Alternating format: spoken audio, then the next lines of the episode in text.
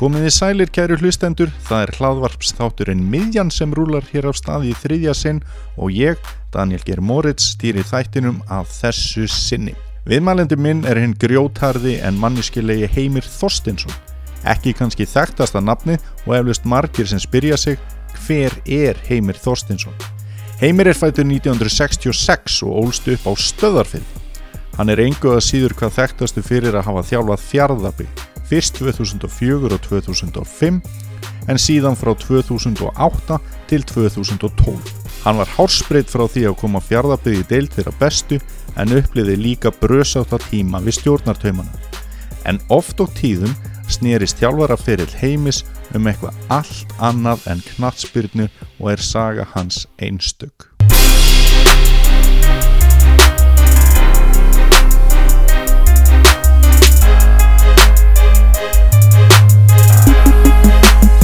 Heimir, við erum hérna stattir í bíl Mhm. ég held að þetta sé fyrsta viðtalið sem að fókballi.net hefur gert sem er í bíl án þess að ég ætla alveg að, að svona fullir það en af hverju erum við stattir í bíl og, og hvar erum við? Viltu þið segja að hlustendum svona aðeins frá því? Við erum stættir hérna afleggjarinn minn í Seldal innan Neskostad í Norrfyrðinum. Hérna geng ég eins oft og ég get. Já, Það er bara þannig. Og vegna bara aðstana þá erum við að hittast þetta. já og, það, og, og ég sagði hérna hvort að við getum hist heima á þér eða einhverjum stað sem þér líður vel á og þá kom þessi staðu strax upp hjá þér, á hverju líður vel hér? Að hérna bara tæmi maður að hugan og, og, og hérna og fær algjörlega slökun hérna. Já. Hérna erum við sem sagt í dal inn af Norrfyrir, hérna ertu bara, bara einn með lóanum eða hvað við maður að segja. Og Vaffi, við Já. erum saman hérna, búin að hann er eiginlega bara alveg upp hérna. Nákvæmlega. Það eru ljómandi gott tímabil í annari deil Karla lauk í gær og þetta er tekið upp hérna daginn eftir og þá eru marga spurningar sem að kveikna varandi fótboltan á Austurlandi og það sem að mér langaði nú að spurja þig að höttur og, og, og hugin þeir falla niður í þriðju deild og, og leikni fáskursfyrði hangir í annari deildinni tæft og fjárðabyggð sigildi svonum lignan sjó í annari deildinni í sumar. Það var ekki beint mikið glæsibræður á knaspurninni hérna fyrir austan í sumar. Tekur undir það? Ég fylgdist ekki vel með þessu í sumar en ég, svona bara eins og úslitinn og staða liðana sýnir þá er þetta búið að vera erfitt greinlega og, og um, í rauninni bara áhugjefni, dótið, hvernig staðan er vegna þess að uh, mér finnst að þessu svæði öllu ætti allavega að vera hægt að vera með uh, betri út- útkomu sko. Mm. með að við, með að við hérna hvernig þetta hefur til dæmis bara verið líka undanferðin ár, þetta hefur oft gengið. Ald- sko, lið á austu hefur aldrei verið Pepsi-dild og það er svo langt frá því það að fara að gerast. Mm. og kannski er það líka full stór, mikil krafa sko, en uh, þetta er líka, ég hef ágjur á því líka að það sé bara, ég veit ekki hvernig er með að koma, ég er nú að þjálfa hans sjálfur hérna í neskostað yngri hlokka, það er mjög mikill efniviður, það hefur verið mikill efniviður hérna fyrir austan oft og mér finnst bara skorta uh, svona uh, langtíma sín á hvernig þetta á að vera hérna. Mér, mér finnst, uh, ég veit ekki hvort þetta er bara klubbónum að kenna eða stefnu sem þeir taka í leikmannamálum eitthvað svoleiðis, ég veit ekki hvort þetta er það eða hvort þetta getur verið það og að ungt, ungir knaspindumenn af því við einangrunum þetta við knaspindumenn Já, að þeir hafi yfir höfuð áhuga á því að vera hérna. Það er líka það, mhm, stóra höfborgsvæði það er rosalega heillandi fyrir ungt fólk. Mhm, þegar þú ert búið með framhaldsskólana hérna fyrir austan að, uh, og þarft að fara í háskólanám þá þarft þú að fara í, í vinnu sem að þú getur fjármagna það dæmi og þá er kannski ekki rosalega vinsæll starfskraftur fótbolta maður eða kona sko. næ, ég veit ekki hvort þetta er eitthvað reykur sem ég er að segja en ég hef allavega er ekki að skila sér hérna upp úr þessu starfi fyrir austan árangur nei, Í og- meistaraflokki karla. Nei, og, og ég reyndar, ég einangur þetta við mestarflokk Karla já, að nákvæmlega ég veit bara vola lítið hvað er að gerast í mestarflokki ég, eh, bara Já, já, ég fullur akkurat. En þar hafa allavega verið svona frekari saminningar heldur en í kataboltanum og þá er kannski spurning, nú er höttur og huginn komið saman niður í deild, það er náttúrulega mikil vombriði með fótboltasumarið þar veit ég og, og og náttúrulega ótrúlegt bíó líka í gangi með hugin og, og völsung sem við ætlum kannski ekki að, að krifja í þessum þætti en þannig að mikil svona vombrið og þau lið sem komið nýri þriðju deil þá má kannski líta það sem svona ákveðin 0 punkt og nú er fjárðarpið búið að framleggja við hérna, Dragan, hann munið þjálfa allavega næstu tvö árin eða svo. Og leikni fáskursverði er án þjálfara, hann er búin að segja upp Já. eftir hérna, gott starf. Mm Já, já, já, já, hann er búin að standa sér mjög vel við þar. Eh, þarf að fara saman að meira? Svo við eigum svona betra lið og, og, og verði svona fleiri heimastrákar á pappirum þó að það sé á dreifðara svæði eða er gott að vera að fá marga erlenda og aðkomu menn til þess að spila fyrir svona lítil félög? Sko, ég er ekkit hrættu að ég, ég, ég, það veit að það er rosa margir mín að skoðun á þessu. Ég vildi saman leikni og fjárðarbið fyrir uh, sko 10, 12, 10, 11 árum síðan. Mm. ég man ekki nákvæmlega hvort, það var 10, 11 ár það skiptir kannski ekki öllu máli. Nei, vegna þess að þetta er eitt sveitafélag og þetta eru tvölið einu sveitafélagi og ég man nú ekki, er nú ekki með tölun á því hvað eru margir erlendir leikmenn að spila fyrir leikni og fjárðarbið en það eru á margir að mínum að því þeir eru átta eða eitthvað? Já, þetta er allt og mikið og hérna, ég hef ekkert út af þessa stráka setja, þetta Nei, er góður, eflaust allt góður einstaklingur og ég þekki til þessa stráka sem eru að spila hérna hjá fjárðarbið, þetta er alveg eðal stráka sko, mm -hmm. en það var dauðafæri fyrir tíu árum síðan að gera þetta, að samanlega þessi tvölið, það hefur ekki verið áhuga á því frá fórskursvili, maður skilur alveg þessa, þessa hugsun þeirra að vilja hafa eigin lið og allt það sko, en það er rosalega gaman að sjá uppalda leikmenn koma ekki um starfið. Ef að þetta hefði verið gert á sínum tíma undir minni stjórn sem þjálfara Mm. þá hefði ég aldrei sleft af því tökunum að vera með heimamenn í þessu liði Nei, og punktur. Mm -hmm. Einmitt. ef við eigum ekki markmann þá kaupum við okkur markmann á utan eða sunnan eða eitthvað Mm en ef við erum með markmann þá stillum við bara markmannin í markið og, hann, og liðið verður bara einn stert og mannskapurinn gefur til kynna Einmitt. og þá reynir á yngri flokka hugsununa í þessu að reyna að vera með eins góða þjálfun þar niður og hægt er og svo framvegis og þetta er náttúrulega kannski eitthvað romantík í þessu en þetta er eina rétta stefna fyrir mér Mm -hmm. og ég bendi bara á Akranes sem dæmi sko. Mm -hmm.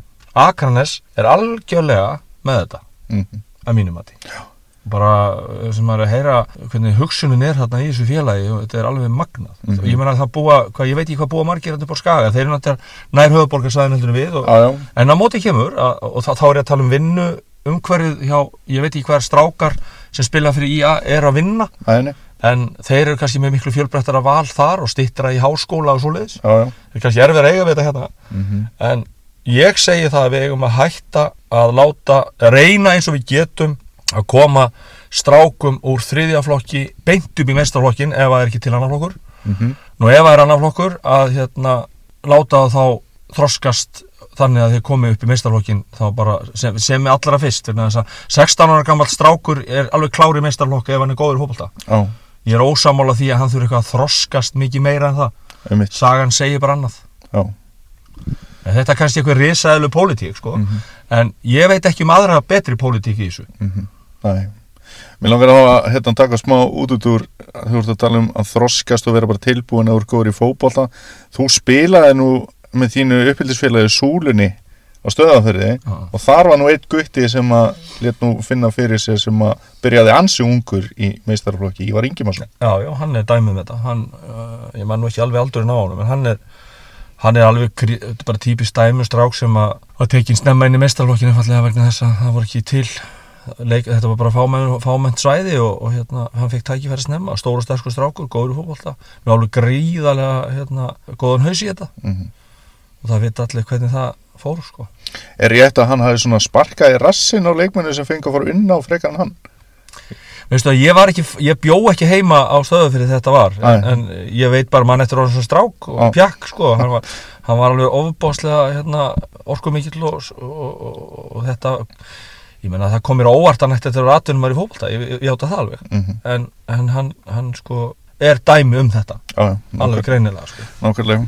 Herri, við ætlum að fara nokkur ár aftur í tíman því að hérna, þú hafi verið eitthvað í yngri flokka þjálfun ánor fyrir reyndar ekki ef ég er að fara með rétt mál í neitt langan tíma þannig þegar þú tekur við meistaraflokki fjaraðbegar 2004 þá er þú og Elvar Jónsson sem að tengist til fjölskyldu böndum þeir eru ráðnir þjálfarar og þá er búið að gerast í mörg ár á undan bæði hjá þrótti Neskjöpstað og hjá fjaraðbeg að þau komist ekki upp úr gömlu þrýðudeldinni það voru sem sagt þessi útslátt að keppni og þá var oft með þessi hugsunahátturinn þannig að, að drengjum sem á voru kannski búin að spila allt tímabili var ekki treyst til þess að klára úslitakeppnina og voru fengnir alls konar snillingar til þess að klára það. Góði leikmenn, voru ekki búin að vera með liðinu allt sumar, sumari og þetta mistakst alltaf. Svo komið þið nú með þína hugmyndafræði sem að þú ert að lýsa svolítið inn í þetta tímabil 2004, getur þið rifjað það eins og? Já, við erum, uh, ég og Elvar erum ráðnir þjálfarar hérna í janúar 2004 og við vorum með örfá leikmennir inn á blæði hjá okkur vegna þess að það hefði orðið opbásli umskipti frá árun áður. Það var orðið gríðarlega margi strákar sem fóru frá fjallabið eftir tímanbyrju 2003 og í rauninni bara eiginlega allt byrjunlið það voru, ég man ekki nöfnin alveg sko en, mm -hmm. en uh, þetta voru ég lungaði úr liðinu bara hinnlega Já og þannig að það væntingarnar voru nú ekki miklar Æ. þegar við byrjuðum Æ, og við fórum þessa leið, við vorum með þrjá serpa hérna, en vorum með þetta með tvo og báðir voru svona báðum áttum hvað það ætlaði að gera Mm. við fengum þá til þess að halda áfram það var mm. Sergjan Rajkovic og Marjan Kekic Mhm. og síðan kom inn í þetta uh, bara tveim mánuðin setna Góra Nikolic Mhm. sem var búin að vera á Selfossi og Hotnafyrði og gammal atvinnum maður frá Serbíu. Mhm, alveg gríðalega sterkur. Við spunn, síðan ákváðum við það bara og það var reyndar hvort sem að okkur hef, hefðum haft áhuga á því eða ekki, þá hefðum við ekkert getað fengið neitt af leikmönnum hinga til okkar vegna þess að félagið var bara átt enga peninga. Æ, Þannig að það var ekkert í bóði hvort sem okkur langaði ekki, en okkur langaði ekki að ná sér okkur í eitthvað út fyrir. Vegna að við vorum með möguleika á því að spinna í kringum þessa, þessa mhm, heimastróka mhm, sem voru flokki, flottir hópalta mhm, og það týndist svona inn í þetta það kom inn í þetta strákar sem að voru í rauninni bara hættir byrjuðu aftur. Og minnist að strákar á laugum sem voru bara, voru bara í skóla þar og við vorum að fara í lengjubikarin og þeir komu svona setnistegum inn í þetta ætluðu að svona prófa þetta. Mhm, einn er áttu nú eftir heldur betur að spila fyrir okkur Gretar Ómarsson. Mhm, og út af þessu kom mjög svona skemmtilega blanda af uh, þremur serbum og strákum í hjörðabið mhm. Og árangri leti ekki á þessu stenda Nei, nei, þetta byrjaði svona rólega. Vi, Við reynda okkur gekk vel lengjubíkarnum Byrjuðum síðan með skjalli hérna í fyrsta leik Minnum mig á móti hugin Við vorum teknið niður á jörðina. Hugi var með mjög stertlið á þessu tíma. Verða dildameistarar Já, já, unnu þetta. Og uh, við förum upp með þeim. Mhm. Eftir uh, mjög svona harðan riðil sko. mm -hmm. Það var ekkit, það var engin Ég held að Þetta var mjög bara öflug lið mm Mhm. Öll sömur, sindri, höttur, leiknir Mhm, Fjarðabbi, hugin einari Þetta voru liðin. Og bara erfiði leikir það var engin leikur þarna. Nesti djúbói var hann að minni mig. Mhm, og hann var svona, þetta var veikasta liði minni mig. Ég minni Nesti verða þarna. Mhm. Á þess að ég munni það þó, Æ, það skiptir ekki öllu. Næri en við fórum upp og, og okkur tókst þetta og ég náttúrulega sko oft er að rifið þetta upp að Egert Gunnþór kemur hann inn. Mhm, 15 ára notabene. Mhm. Og Þú hefði nú átt að býða alveg honum að þroskast Já, ekki? hugsaður, erum við gert það og ekki Já, það hefði breytt hans hann hefði fyrsta leið bara farið. Já, já. Hann var með fram ári áður mhm, í þriðja flokki. Mhm, og það var svona báðum áttum að vera þar sko. Já, já. En við sögðumst bara alltaf að nota já og það, þetta smelt passaði en það er náttúrulega hann greiðarlega góð leikmaður sko. Mhm. Heitla skrifaði fyrir hann og félagi Já, já, ég held, ég held að hann hefur nú talað um það sjálfur að hann hefur fengið gott start Mhm, og fengið að snemma. Mhm. Annar sem maður kannski bera nefna úr þessu liði Haldur Hermann Jónsson byggameistari með fram og spilaði fjölmarkar leiki í Pepsi-tildinni hann var nú, er reglega svona hvað þinn upplugasti leikmaður í gegnum þinn þjálfara ferilega hvað? Já, hann er það, hann er, það er alveg leitun að öðru eins, öðrum eins eh, vinnuhesti sko. Og, Já. og hann er lúmst sko það er, það var oft talað um að Dóri var í svona leikmaður sem var í kannski ekki alveg góður í fótbolta og svona sko. Já, hann hefði bara ekkert verið líkil maður í framleiðinu ef hann hefði væri ekki þokkalega góður í fótbolta. Nei, nákvæmlega. alltaf tala um að hefði væri bara með lungu og, og hjörtu og svona eitthvað Og fram var unnu stærri á þeim tíma heldur en það er í dag, bara svo því sé haldið þetta haga, já, sko. já, já, hann, hann, hann, Þorvaldur náttúrulega kom hérna og, til okkar og, Mhm. og var með hann hjá sér og hann fóð til Þorvaldur til fram og ég veit að Þorvaldur ég veit að hann, þetta var einn af hans mikilvægur mönnum hjá fram sko. En að þú minnist einmitt á Þorvald þið takið þannig tímabili annari dildinni og, og, og sigli, það, sigli það bara í lignan sjó sem að er raun og veru bara fínt fyrir lið sem er að komast upp og svo tekur Þorvaldi við. Já. þannig að þú ert út úr þessu í smá tíma. Við ætlum að hafa þetta sögu þína ekki sögu fjaraðbeðar síðan er Þorvaldur þarna með liðið og, og Við erum með honum hann að þrýr, eða sérst ég, Elvar og Herman Reynsson þryggja manna teimi sem hann var með í kringu sig í rauninni tvö ár. Á, ég held að var reynd að vera setna ári bara en, Já. en það var æðislegt að vinna með Þorvaldi sko. á þannig að þú ert í teiminu, teiminu hjá honum Já, já, við vorum á leikdegi vorum við bara mættir hérna með honum Mhm. fór, og vorum með honum í, í, í tvö ár, þannig að ég og Elvar aðalega Hvernig er að, þú veist, hvað kom Þorvaldur með nýtt sem að þú er ekki séð undir sólinu á? atvinnum hann að hugsun Á, hann bara kom með alveg hann tók fjárðabið á næsta level á, við vorum, sko, við vorum með flottar hugmyndir og, og svo leiðis hann, hann náttúrulega, sem breytist með Þorvaldi náttúrulega, hann hafði aðgang að leikmönnum á, og fekk til okkar leikmenn sem átti síðan eftir að verða alveg gríðarlega öflugir fyrir okkur sko. hann tók til dæmis, hann var með Káa mhm, og hann kemur með Jón Gunnar Eisteinsson og Haug Ingvar tilbaka mhm, Andra Hjörvar kemur Andri Hjörvar kemur til með, með honum Elvar Dan, Elmar Dan. Mhm, svona einhverjir séu nefndir sko. Já. og, og síðan uh, hann var alveg rosalega faglegur sko. Mhm, hann, eins og ég segi, hann, hann tók þetta lið á næsta level og hugsuna háttin á næsta level.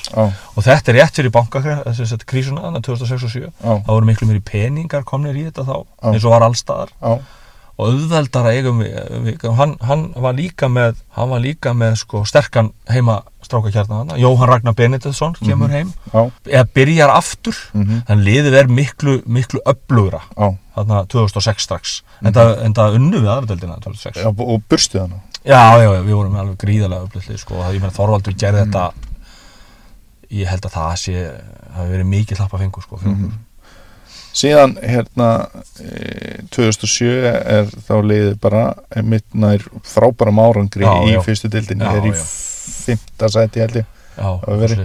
Síðan er uh, aðrir þjálfarar fengnir til þess að taka við liðinu og þú ferð svolítið út úr þessu þá. Já.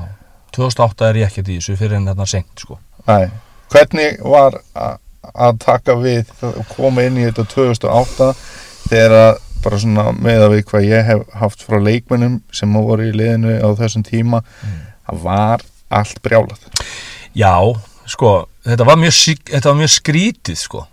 uh, Magni Fannberg er með liðið og hann var í hann var ekkert að slæmum staði tildinni mm.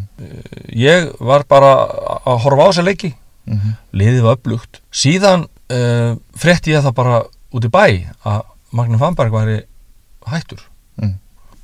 Var, var, David Hanna var þá komin hérna aðstofaþjálfari Mm og hann tekur við félaginu. Já, eða liðinu, já. Já, og Elvar Jónsson var með honum. Mm af því að David Hanna var að spila. Og síðan er þetta bara þannig að, að hérna, eh, við, erum, við erum bara stattir í uh, kaffibólla ég og Elvar og, og erum að ræða þetta. Og ég finna alveg á Elvari að það er eitthvað eitthva plagan sko, hann, hann ætlaði sér ekkert inn í þetta að fullu sko, Nei. aftur. Nei, var í stjórninni, þannig ég segi bara við hann að hérna, ég skuli bara taka þetta mm og vera með Hanna þá, -hmm. klára sísunni Mm. og ég mar ekki hvað voru margir leikir eftir. Mm. og það sem gerist eftir það er það að David Hanna hættir. Já, hann klára leiku stjörnuna og liðið ekki örugt í deltinni. hann hættir áður en tímabilið er úti. Já, já, já, hann hættir síðasti leikun hans á móti stjörnin úti sem við töpum 3-0 og ég vissi það áður við fórum söður og allir, þessi sett, ég og, og, og sett, Bjarni Formaður og fleiri, við vissum það að hann væri að hætta mm og væri bara að fara beint til Skotlands eftir leikin, eða, eða morgun eftir Mhm. en leikmenn vissu þetta ekki. Síðan er þetta bara sagt frá þessu eftir leik og, og hérna, við fyrir mynda heim og það var góður á dýr, það var bara einn þannig ég tek bara liðið og klára sér svona, við náðum að ha- halda okkur í deildinni -hmm. og fræguleikum við Selfoss hérna á, Mm. á Norsfyrði sem að í rauninni var úslitaleikum fyrir okkur. Já. og það hafðist. Mm og síðan er ég bara ráðin áfram. Já. ég var ekki með réttindi til að vera með liðið. Nei, þannig ég þurfti að hafa mann með mér sem var með réttindi. Og hann er stundu kendið við götu. Já, hann var að þjálfa hérna Suðum sjó, hérna á Foskursvili Mm. Páll Guðljósson mm og hann kemur síðan inn í þetta þarna með eftir áramótin. Mhm. og dálítið svona svipa dæmi í gangi. Það átti bara að keira ungu strákum Mhm. og náttúrulega þessum kjarna sem var eftir, hjá, eftir Þorvald sko. Mhm. eins og Andri Hjörvar og Haugur og Jóhann Ragnar og og þeir eru hvað, þeir eru eitt tímabil saman eða? tvö þeir eru tvö tímabil Já, saman við erum 2009 Já.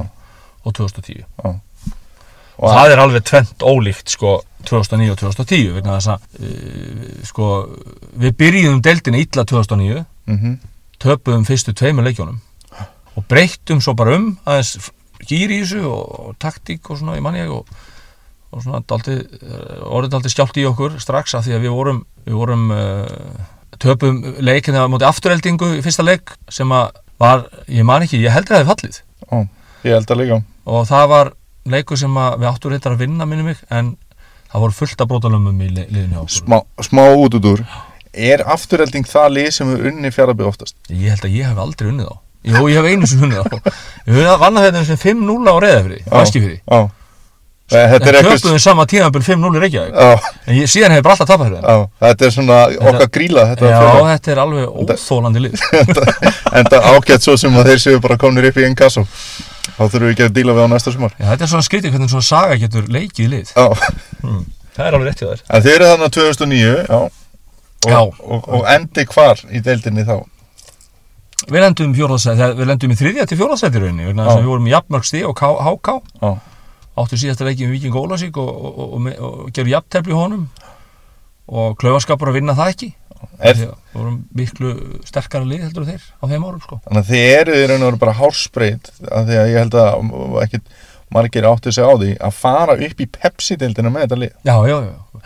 Sko í lok júli held ég hafi verið, þá vorum við bara það líklegast eða lið vegna þess að við klúru, sko uh, nú er það náttúrulega svo opbáslega gott að afsaka sér svona löngu setna já, um, við, við, við spilum leik eftir vestlunum helgi og það er svo margir sem heldur það að það hefði verið eitthvað þinguleikur hjá okkur. Já, það var svo sannlega ekki, málið var það að við töpum fyrir Káa 3-0 eða 3-1 á, á, á, á hérna Eskjufyrri já, eftir Vestlum helgina með eitthvað fimm í leikbanni og Já. það var bara stór biti fyrir þessum fimm í leikbanni? Já, það er að búið að ganga og þeir eru fimm í leikbanni staðan sko, sko eins og ég minni þetta hafi verið ég veit ekki hvort þetta sé svo í sennþá þú held ég það að þú getur ef þú ert að spila á laugadegi Mhm. og svo aftur á miðvikudegi eða föstudegi mm. þá getur þú spilað marga leikmenn í bann af því já, aganendin kemur, kemur ekki saman fyrir setna já, þú, þá, hún kemur sam, sam, henni, hún kemur saman þjóðutum Já. og það tekur gildi að háti á föstudegi. Já, Við spiluðum held ég minni mig uh, leik Mhm. eins og ég með minnir þetta sé já, á lögadegi mhm, og það fækur ykkur í nokkuð spjald þá. Dæmdir á þriðudeginum tók gildi á föstu deginum Mhm. svo voru strákar sem fengur leik spjald sem sagt uh, á fymtudeginum mhm, þeir eru ekki dæmdi fyrir þriðudeginum og þar á eftir. Mhm, og við áttum leik á fymtudeginum Nei, á, það- síðan næsta leik á föstudeginum þar eftir. Þannig að þetta, það söpnast upp þrý leikir. Mhm. og við lendum í þess að múta háká. Þetta hljóma sann svona eins og þeir fimm leikmenn komið saman og lami eitthvað. Já, þetta var í, í minningunni svona. ég skil, já, einmitt. Ég man það allavega háká á þennan sigur, þarna fór sjensin okkar já, fannst mér, Já. en ef við hefðum klára káa þarna eh, í þessum uh, Vestlumarhelga leikana, mhm, þá var staðan rosalega sterk. Já, Kjörlega líka jafntöflu hauka hérna 1-1 sem fór síðan upp. Já, í rigningu, já, sláaskot á síðustu sekundunum svona getur maður leikið sem með ef og hefði sko. já, já, en við vorum ekki nógu góðu til að fara upp. Já, það er bara þannig. Tablan lígur aldrei. Nei, Það er svo er tímabilið á eftir og, og þá er hvað gerist þar?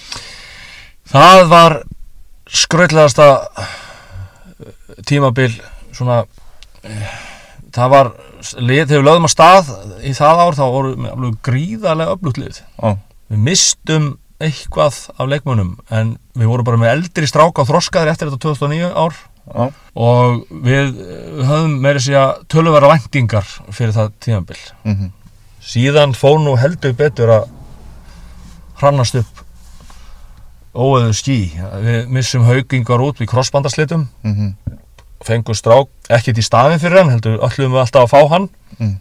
Rafn Heiðdal, strákur sem var, búin að vera með hetti, alveg hörku, það er gaman að sjá hvað hann hefði farið langt í þessu, mm hann var mjög erfiður anstæðingur, spilaði með hetti, ógeðslega svona fastu fyrir já og sterkur í loftinu Já. og, bara fýtt spilari. Já, Hann kemur til okkar þetta um áramótin og þá vorum við með þetta, þessa polisíu að, að ná í stráka hérna af svæðinu. mm Hann kemur inn í þetta og við erum bara í gangi hérna og spilum hérna í janúar, eh, fórum einhverja ferð suður og minnum mig, vorum að spila sérst í efstu grúpunni í lengjunni og mm. þurftum að fara til Reykjavíkur í lengjubikatum. bara alveg lið Já, já, já, já, þetta var og við vorum að ná í fín úrslit á það síðan hérna lendir að haugur yngur út, út af þessu og þetta var alveg rosalega vant að missa haug Mm. þó, að, þó að hérna hann, hann, hann er svo sem kannski ekki svo, svo tekniskasti sko Mhm. en því hann er bara svo mikill karakter inn á vellinum og leikrendur og, Mhm. og, og fyrirliðilissis Mhm. síðan eh, er hann Rafn Heital alltaf eitthvað að- högta hjá okkur í meðslum Mm. Var alltaf með eitthvað, kvalir í, í, náranum og þar í kring og sér til þess að gera langa sögur stutta þá bara greinist hann með illkynna krabba minn drengurinn Mhm. og er ekkert með, Nei. eðlilega ekki Nei. Og, og hefur ekkert spilað aftur síðan. Ekki, hef, ég veit ekki til þess. Ég, ekki, ég held að hann aldrei spilað fótbolt aftur. Nei. ekki nema þá bara eitthvað að leika sér. Hann til allra blessunar komst yfir þetta sagt uh, þannig Mm. en, en, en það fótboltalega síðan fór þetta með hann. Ég held að hans er 24 ára eitthvað svoleiðis þegar þetta gerist. Já, eitthvað svo leiðis ég held að hann sé fættur 87 þetta, hann hefði verið 23 ára. 23 Já. ára einmitt. og þetta setti, þarna voru tveir mjög sterkir varnarmenn úti, svo vorum við með stóran strákanna sem er Daniel Guðmundsson frá, Daniel Freyr Guðmundsson frá Fylki. Alveg ofbóðslega sterkur og fljótur og, og góður og efnilegur strákur. Mm. og hann reif allt, reif upp og niður lærislöðan og Mér langar aðeins að hérna, staldra aðeins við með, með hérna, Já, hvernig er að, að vera bara fótballþjálfari og svo ert þú bara að díla við það að, eða þú ert náttúrulega ekki að díla við það, hann er að díla við það en þetta er leikmaður hjá þér sem að fær svona rosalega fréttir ég held að þetta slóta að vera alveg svakalt áfall. Já, en hvernig var þetta, og, hvernig eru þjálfaraugað í þessu? Sko, eh, þetta, þetta var þannig að sko, við vorum með sjúkaþjálfara sem heiti Tinna Duffield. Já, Dóttir Mack Duffield. Já sem, svo, svo það flesti, sé nú haft á hreinu. sem flesti þekkja. Já, hún, ég, veistu það, í minningunni var það þannig að það var hún sem í rauninni, hana fór að grunna þetta. Það var eitthvað að. Já, Það var eitthvað sem hún kannski geti svarað betur, en já, ég var í, sam, ég, ég, ég var í, í, hérna, samskiptu við hana já, og það var bara að vera að tala um tóknun og, og svona, hann spilaði, byrjaði leikina og svo var þetta bara hrunnið eftir stuttan tíma og hann kvaldist og þetta var eitthvað voða skrítið, sko. já, Síðan uh, held ég að það hefði verið hérna þannig að þetta var eitthvað bara með vikt að gera. Hann var bara hórast niður við kallinn og, og, og, hún, hann var í meðferði á henni fyrir sunnan sko. Já, og svo var þetta vist bara orðið þannig að þetta var hann, þetta, hann fór bara eitthvað að grunna og sendir hana bara til, til læknis eða eitthvað og, og, hérna, og þá kemur þetta í ljós sko en hún varst búin að vera með þetta svona tilfinningun í einhverja daga sko já. En Já. þetta er náttúrulega alveg breytir, þetta er, breytir náttúrulega rosalega miklu, þú fær svona fréttir inn í, í svona félag já. strákan er náttúrulega áfall fyrir strákan og náttúrulega rosalegt áfall fyrir hann Já, nákvæmlega. Ég held að, e, ég veit ekki hvort hann er aðgengilega ennþá á netinu, en það var gerð svona lítil stuttmynd um þessi veikindi hans sem ég sá nú einhver tíman sem kom hérna svolítið eftir þetta. Þannig að hérna, þeir sem har hlustað hefði kannski prófa að grafa eftir því. En já, áfram höldum við Já, svo, svo þegar þetta var farið svona og, og, við vorum þá konum með við vorum að spila mann ég eh, fjórið því þrýr fórum í fimm eh, manna varnalínu því að þarna þetta er sko þarna erum við komin inn í tímabili sko. Aðeins. Já. og við vorum í án- miklu vandræðum vorum að leika mörgum og, og þetta var svona aðeins að komum brótalamir í þetta. Mistum út uh, sterkar leikmennana og við vorum í ströggli allt sumarið sem endaði náttúrulega bara með alveg skelvilegum leik á Akureyri. Við töpum 9-1 Já. uh, leik við hérna Þóra Akureyri og hérna sem að fór upp. Mhm. voru með mjög stert lið en ekki, ekki svona stert við vorum bara hauslausir og ræko í leikbanni hjá okkur. Vorum ungan strák í markinu sem við þekktum lítið og, og hérna, mistök eftir á að hafa sett hann í marki Mhm. það var einhvern greiði gerð með því og alls ekki honum greið. En, en, en, við vorum e- einu færri frá þriði mínútu minnum Já, og þa það var bara uh, ávísun á alveg við máttum, ta- ef eitt leikur annar í deildin hefði farið jafntefnildi þá hefði við mátt tapa með fimm mörgum já, og við vorum konið fimm mörgum undir í háluleik það er þetta var mjög sérstök, uh, sérstakar aðstæður sem að, en ég meina við fórum bara niður af því að við vorum ekki nógu góðir. Já, og það, það þýðir ekkert alltaf eins og ég segi, þessi mittur og þessi mittur og þessi mittur, það er nitt Það er fótbolti. Það er bara fótbolti. Mm. En þetta tímabil þá fara að koma svona ný kynslu Þú ert með þarna ákveðna kynslu þarna 2004, þú ert búin að nefna til dæmis Gretar og, og við nefnum Haldur Hermann og Eggert og það eru fleiri já, strákar. Já, miklu fleiri sko. Miklu fleiri Já. og, og, og hérna, þurfum nú ekki að tellja það allt upp. En svo er, er þarna að koma 2010, þá var að koma svolítið svona Mm. önnur kynslu Já. og, og sá sem var kannski hvað helst að vonastjarnan af þeim strákum pólskur, já, Daniel Sakalúk. Og ég hef nú oft spáð í það af hverju, hvað er að klikka hjá okkur í íslensku samfélagi þegar það er ekki ennþá pólveri búin að eiga landsleiki fótbolt mér finnst það mjög sérstakt. Já, að það er eitthvað, eitthvað í kúltúrnum sem er ekki að virka því að auðvitað miða við hlutvöld og þann fjölda sem hefur verið að, hérna, að sérstaklega pólverjum en líka bara svona annara kynsluðar fólki á Íslandi.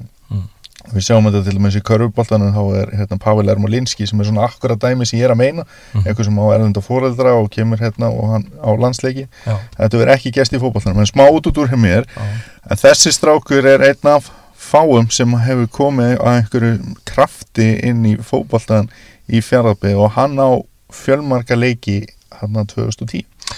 Já, sko, sagan bak við hennar strák er svo að pappans, pappans er að vinna hérna og uh, þau flytja síðan upp fóröldar hans með yngri sem sagt, bróður hans, Filip, sem er nú að æfa með fjallabíð í dag. Mm -hmm. og, en Daniel var úti áfram. Og ástæðan fyrir því að hann kemur ekki upp er svo að hann var að uh, bara, bara einn ein nefnilegasti leikmaðurinn í, í, í sínu flokki í Gdansk, Gdynia, mann ekki hvort megin það var. Á, og uh, ég á nú stittu sem að pappans færið mér senna stittu, veljónastittu sem að hann fekk fyrir besti leikmaður í Baltic Cup keppni í einhverju stóru svæði að núti sko á, og miklu stærra heldur mig grunaði ég googlaði þetta nögt í hann og, Mm. og þetta er bara, hann þótti rosalega efni sem hann uh, var síðan mm -hmm. hann er gríðalega góður Mhm. hann kemur síðan upp uh, ég man ekki hvort það er ári áður mhm, og er hann í jólin með okkur á æfingum mhm. Og hann var náttúrulega, maður sá það bara strax hann var jafnfættur og hann gæti krossa boltanum og með báðum sko. Mhm. og hann var uh, skot mjög mikil skotmaður og svona það sem okkur fannst hann ekki vera með var, hann var ekki, hann hafði ekki droslega kannað að verjast Nei. þegar hann kom á, og síðan hérna uh, 2010 þannig, þá er, uh, þegar við fellum fellum hann niður 2010, þá tökum við er bara tekin, bara meðvitu ákvörðinu það að láta ungustrákunum bara koma upp mhm, og við erum ekkert að við erum ekkert að fara neitt að taugum yfir þessu. Mhm, og hann er einn af þessum nokkrum hann 93 árgangurinn hjá okkur var mjög öflugur. Mhm, og 92 og 1 líka mhm, í rauninni, en sérstaklega 91 það var fáir 92, en 91 árgangurinn og 93 árgangurinn Mhm. þeir komu hann nokkuð margir inn og þar á meðan hann. Mhm, og hann uh, 2010 þá, þó að sé náttúrulega kannski ekkit endilega til þess að merkjum gæði, þá fekk hann tvö rauðspjöld hann á, á þessu tímabili fyrir það að hann var fastur fyrir og, og tók varnarleikin alveg gjössanlega í gegn þetta ár sko. á. og hann var mjög öflugur fyrir okkur sko. Mhm. en hann var náttúrulega ungur Já, Þetta er kannski svolítið stórt svið fyrir já, já, já, hann var bara aldur, á tímabili var hann bara leikilmaður meðin hjá okkur Já. út af því að við vorum í meðslum Mhm, og ekki bara hann heldur fleiri Mhm. Sveit Fannar og Hákon Sófusson líka mhm, svona þessi nefni ykkurja, Mhm. Martin Sindri líka mhm, en þessi strákur það má kannski bæta því við að þessi strákar voru þá að spila á fullu með öðru flokki líka. Mhm, og við, ég hef alveg klárað því að þjálfræðilega hefur sérst ekkert verið sniðut að, að láta á að spila svona mikið. Ég held að það hafa spilað í 50 leikið eitthvað sko frá janúar til desember þetta ár sko. Já. þetta var alveg ofubóðslega mikið af leikjum. Það var að tala alla leiki sko. Á, æfingarleiki líka.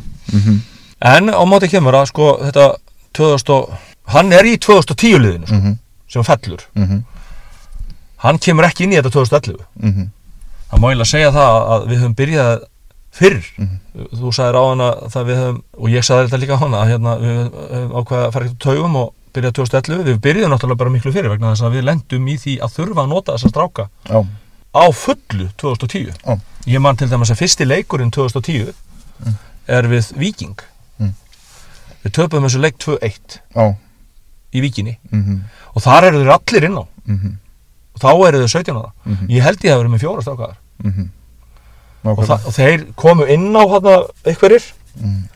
Filip og neðan hérna Daniel og Hákon kom inn á og þeir voru rétt búinir að, að, að hérna, ég man það að þeir voru rétt búinir að gera verkum en að þeim stíðna sko. Mhm.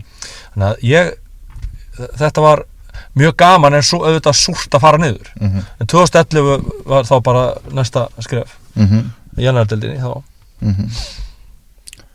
Og undirbúinistímabilið tekur allt í einu mjög óvænta stefni. Já, já, við missum náttúrulega Daniel Sakalók frá okkur í bílslýsi, hann deyr hérna í bílslýsi í, april 2011 Já, á, uh, það er bara mánuður í mót sko. Og það var alveg rosalega erfitt sko. Það var uh, í rauninni jarðaði tímabilið.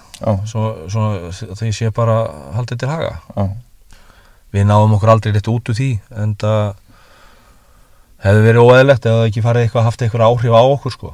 Þetta var náttúrulega bara fótboltalið er, er bara hópur mjög mikið saman og þetta voru strákar sem náðu vel saman og, og, og hérna e, lítið samfélag. Þetta hefði bara alveg óhefnu áhrif á í raunin allt samfélagi hérna þetta og meira að segja svona talað um að þetta hafi klárað ferilinn hjá fleirum heldur en honum bara.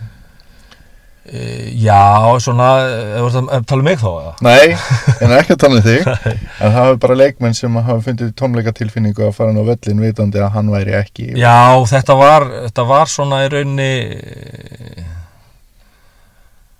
Já, þetta var alveg rosalega ég man, að, sko, ég man alltaf eftir því að þegar að, fóst leikmaður hjá setna hjá Dalvík reyni, Mm. markmaður Já, þá fóru þeir í gegnum þetta líka. Og maður, maður, svo, maður fann svo mikið til með þeim vegna sem maður vissi hvernig þetta var. Að þetta var alveg rosalega hérna uh, það er í rauninni voru erfitt að lýsa þessu þetta, þetta bara steikir allt í kringu því sko. Hvað ert þú þegar, og hvað ert að brasa þegar þú farið þess að fréttir? Ég er að fara á æfingu morgun úrtaksæfingu með nokkra stráka hann hérna Gunnar Guðmundsson og, Freyr Sverrisson voru með úrtaksæfingu í höllinni á Reðafyrði fyrir allt Östurland Já, og það var bara að setja prógram fyrir það. Og það voru nokkuð strákar frá okkur hérna Norrfyrði sem að voru að fara hann yfir og ég var með fullan bíl, við heldum að það verið tveir bílar hann yfir. Og ég er bara að fara í inn út á bænum og mæti hérna bíl og að blikkaði mig og þá var það Bergvin Haraldsson sem að fótballtamaður gamall Mhm. stoppa mig og hann segir okkur þetta, eða segir mér þetta byggðum, segir mér þetta bara svona í einrúmi og, og þetta var litaði náttúrulega allan daginn, ég fór, tók það ákvörðan strax að, að, að, þegar ég var komin yfir að segja Gunnar Guðmundsinni og Freyr Sverri sinni frá þessu. Mm. þetta myndi örgulega koma til með að hafa mikil áhrif á, á, á æfingunni hjá þeim.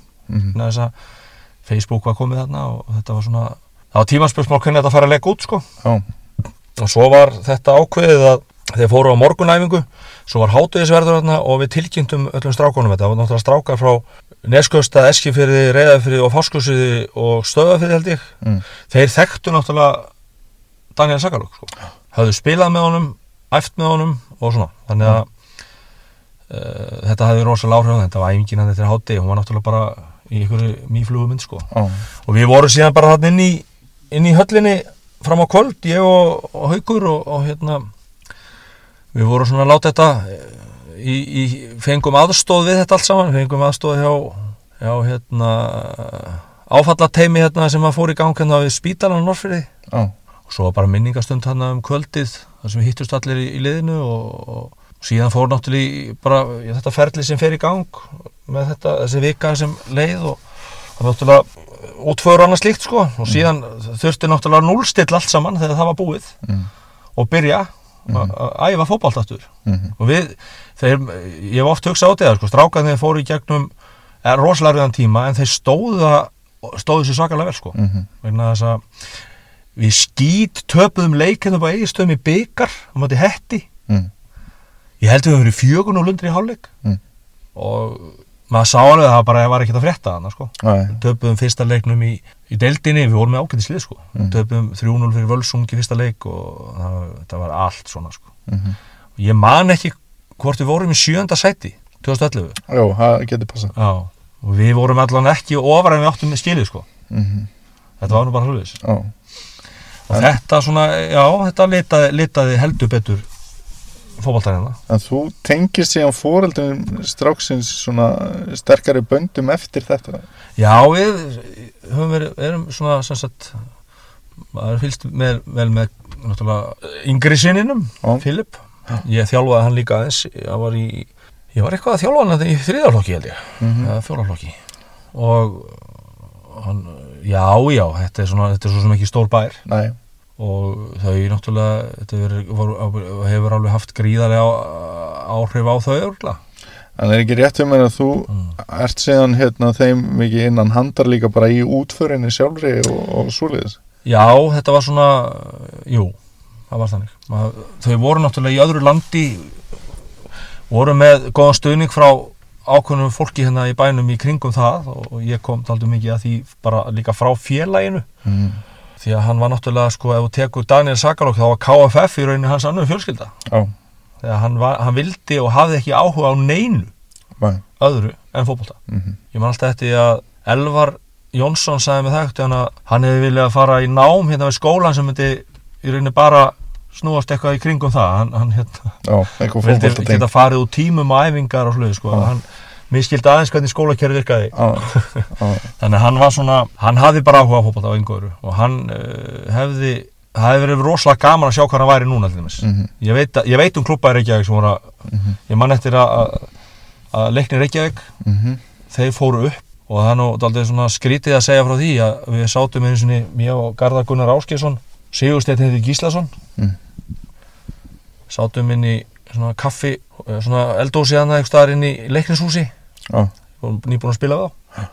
Og uh, það er 2010 held ég, svo erum við bara að spjalla svona daginn á veginn og ég hafa farið að svona alveg, það gat alveg gerst þá að við varum að falla úr fyrstöldinni ég var náttúrulega ekkert á þeirri skoðun. Mhm, Sigurstedt segir við mig að ef þetta fyrir illa að þá máttu alveg ringi í mig. Mhm.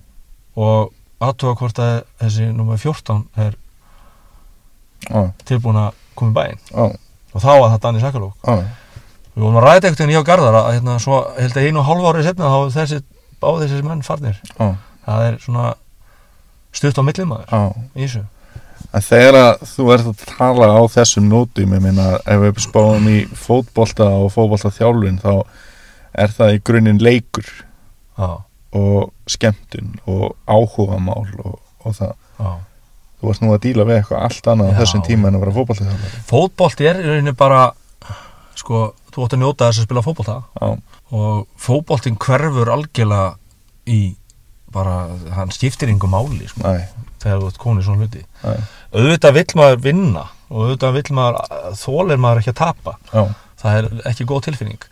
En þegar maður er komin út í svona hliðar búskap með þjálfun eins og Já. þessu já, þá fer maður, fer fókus náttúrulega í allt aðra áttir. Mhm, og í þessu tilfelli var sko það var í rauninni voðalega lítill eh, lítið púður í þetta sömar fór rosalega mikið í þetta. Já, er svona megnið af því. Já, og, og díla bara við stráka sem eru 17, 18, 19 ára gamlir búin að mhm, missa svona vinsinn það voru margið svona einn og einn fundir þetta sömar sko. Já, það sem hafa verið bara hreinlega að hugga. Já, og og, og, og, og svona sett svona, svo er þetta nú þannig líka að þegar það gengur ekki vel hjá þér inn á vellinum mhm, og þá er, er oft verið að það er verið að benda á aðra hluti en í raun þeir sem er í ólegi já, þá má passa sig á því að fara ekki að nota ég á svo bátt hugafærið já, og það tókst strákun. Já, þeir vorkjandu sér ekkert sko. Þetta, það var ekkert verið að vorkjanna sér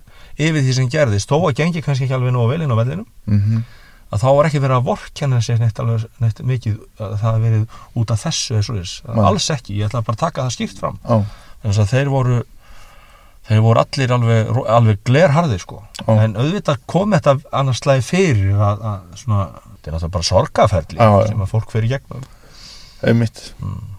Og þegar menn eru ungir og, og missirinn er svo mikill þá er þetta nú kannski ferli sem er ennþá í gangi. Já, já, ég menna þetta er hátt sko. Við förum alltaf á, að leiðinans eða höfum farið að leiðinans alltaf á aðfangudag Já, Við erum svona þar smá tíma með kerti og svona og við gleymum ekki Daniel Sakalók. Hann er bara, hann er í rauninni órjúvanlegur hluti KFF segja, hann litaði þessa sögu já, og alveg rosalega sko. Og við, ég vona að þessi hefð haldist bara, hún þarf ekki, ég menna það er ekki alltaf margir en Mæni, það er, það er reynd að gera þetta hverju ári. Já, og mismarki bara. Já, já, það er, erum alls konar. Þetta, þetta verður meira að segja þannig að er svona þín tengsl við þennan strák að þú meira að segja ert einn af þeim sem að slakar honum niður.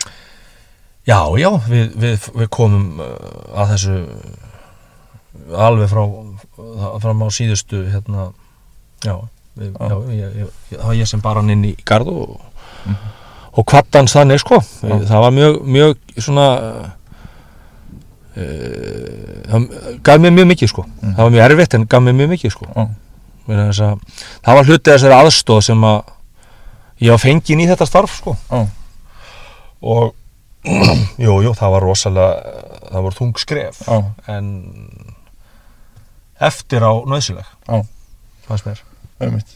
Og svona greinilega mikið þakklæti í öllu ferlinu eins og þú bendur á. já, ég, eins og ég segi Og þá, að taka þátt með þessum hætti. já, já, það er það Mhm. þetta, ég menna, þegar maður fær svona símtal og er beðin um að gera þetta að þetta var náttúrulega bara svo lítið duft kér Mhm. að maður segir ekki, ég ætla að hugsa málið Æ, maður bara segir já, já, mhm, maður gerir það. Já. og síðan verður þú bara mannað upp í þetta. Þetta, þetta eins og ég segi, þetta var mjög erfitt en það, þetta var samt þetta var mjög sagt, gott eftir á. Gott að rífa þetta upp þó að það sé eh, hérna, erfitt og allt það. En tímabilið á eftir mm. þá tekur ekki betra við. Nei, nei, sko þá er ég, átti þá er ég ekki- að tala um fótbolta já, já, nú ef við fyrir aftur í fótboltan já, það tímabil átti ég að taka. Nei. nei ég átti bara að leifa hauki að taka það af hverju? Vor- voru tengslinn orðið þannig við leikmenn bara eða ég var bara komin ég var bara, sko bara svo því sé haldið til haga þá fjall fjaraðbyrð frekar samfærandi já, já, við vorum bara í niður í þá þrýjudeldina aftur Já, já, já. Gerum að það, ég, nú ætlum ég að nota mig bara í því vegna þess að Haukur var ungur þjálfari Mhm. og var með mér 2011 Mhm. sem við fara aðeins í 2011 þá fengum við Amir Markmann fyrir Rækó og það var eld okkur smá óhefni líka þá að hann fær brjóskloss Já. og er bara frá. Maður ekki alveg hvernig það var en hann var frá megniða tímampilinu já, og við vorum með ungan strák í markinu sem var mjög erfnilegur en Amir var betri. Já, síðan lendum við því að við ákvæmum að tókum ákvörðun að 2012 að reyna að taka sénsinn á því að fá markmann ungan strák úr Reykjavík sem að lofaði góði í æfingarleikjum og svo leiðis vegna þess að við ætluðum alltaf að setja Amir í marki þegar hann væri hann góður. Já, Við gáttum ekki tekið eitthvað stóran gæja hérna utan eða Nei. það var ekkit gott að fá markmenn á Íslandi. Nei. góða markmenn, eða það er mjög gott að fá góða markmenn utan. Ungverjarnir, eh, ungverjar sem var á, á opnafyrði, Rækó, fleiri. Amir. Þetta er allt strákar sem að koma utan og Mhm. við vildum ekki taka manna utan mhm, af því vorum að býða til Amir Mm. þá vorum mistök Mm. við áttum í rauninni, það var svo ljótt sér að segja það við áttum bara að kveðja Amir og taka markmanna utan já, það var ég sem ákvað það og við tókum strákur ekki auk sem var alls ekki nógu góður Já. og úr því við vorum að þessu þá áttum við bara að láta Rúna Pétur í markið Já. það voru líka mistök sem er þá heimastrákur Já. Við vorum bara aldrei vissir um hvað Rúna Pétur vildi já, ég var aldrei með hann alveg örugan sko. en, en ef að hefði sko. en við, við hefðum alltaf átt að taka bara ung, útlending í markið að þetta er stað sem verður að vera með góða sko. Ég ætla ekki að kenna stráknum um þetta fall nei, nei, nei En þegar þú ert með svona reynslulítinn markmann sem reyndist ekki sterkur andlega í þetta, Já. góður strákur alltaf, að þá verður vörnin léleg. já, Og svo erum við líka með, gengum við ennþá lengra í þessari enduníun hjá okkur. Við vorum að kottnunga strákaðaninn og við vorum bara frá fyrsta degi að fara að lenda í stórkoslu vandræðum hana. En þú- spáir í, þú ber saman sko, 2004 sem að er hérna, fyrsta tímabilið leikgleði sem myndi ég segja að hafi kannski einkend daldið það já, og svona léttleiki og traust og leikgleði já, og svo þetta tímabil sem að reynist þitt síðasta tímabil sem Já. þjálfari já. Er ekki svolítið mikill munur á stemningunni í Jú, hópinu þarna? Jú, ég fann það líka á sjálfum mig líka. Já, Ég get náttúrulega ekki talað fyrir aðra. Já. En ég var, ég var hérna, þetta 2011 æfintýri var bara ég er alveg klára á því að ég var bara ekki, var ekki með fókus orku í þetta 2012 dí- dæmi sko. Næ, ég var eh, orðin bara þreyttur og, og hérna, ég gerði þetta bara illa. Mhm, og ég fann það bara mjög snemma um, á, á, á, fyrir tímabilið að ég var ekki í nógu góða standi sko. mhm, og fljótlega eftir að tímabilið byrjaði þá fór maður að sjá það þetta var ekki, þetta var ekki rétt múf að, að hérna, þetta er tvent að vera sjálfur hérna og, og hafa ekki tekið bara hérna, metnaði fyllir ákvörðun með markmann Ég, hef, ég herði einhvern tímann söga því að þú hefði beðið um að vera reikin Er það rétt? Nei, það er nú ekki rétt en ég hætti í tvo, klukkutíma eftir leik í Mósusbæ við vorum komnir yfir 2-0 í þessu leik. Já, sá til sólar á þessum ástund. Já, og hérna, ég man ekki hvernig staðan á liðinu var þá sko en það var alveg hræðilegt maður. Þá, þá skora þeir á síðustu sekundunum Já. það er líka eitt sko og á þetta allt saman. Þá held ég að við tapað þremu fjórun leikjum á 92 plus sko.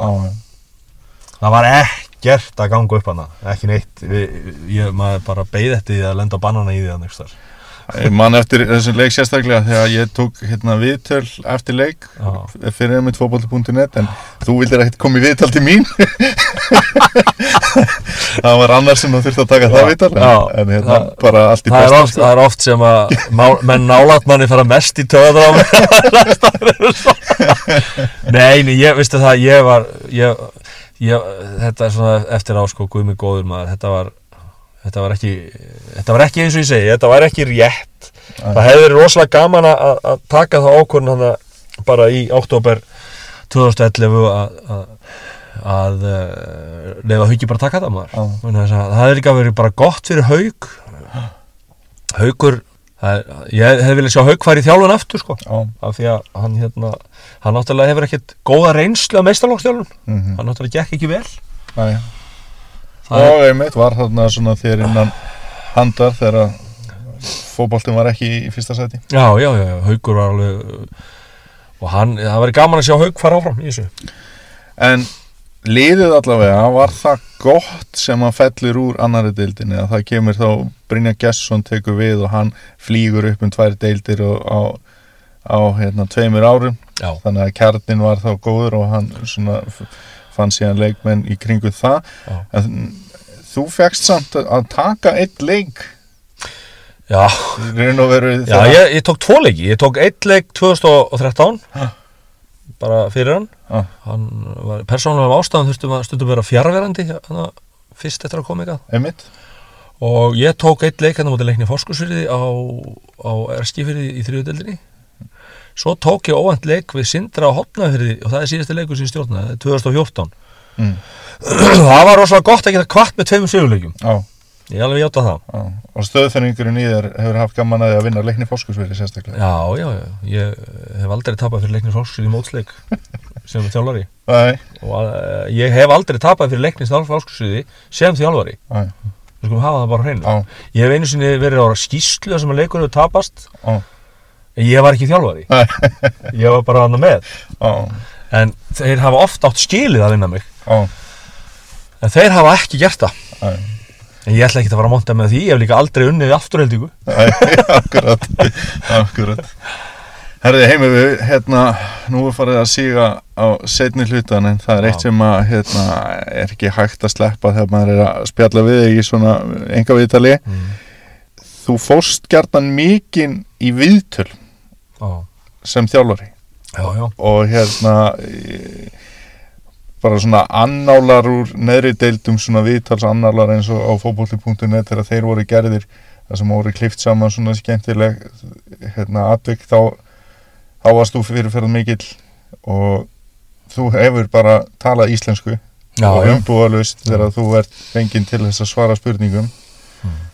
og tvent stendur nú kannski svona hæst eða er fólki svona minnistæðast þegar að þegar þú kemur til tals og einhver segir hver, hver, er Heimi Þorstinsson og þá svona er, er þetta rifjað upp þá bara já alveg rétt þess að ságægi annað er að er gerist á gróttuvelli. Já, það sem að þú kallar stuðningsmenn gróttu eða segir sem sagt stúkun að vera stóla fulla af hálfvitum.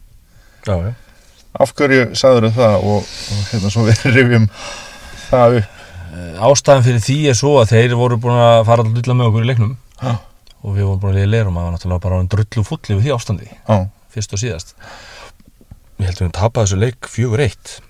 Síðan er bara leiðindi hérna í stúkunni út í Rækó og Daniel Sakalúk á, bara rasismi, heitir þetta á íslensku. Já.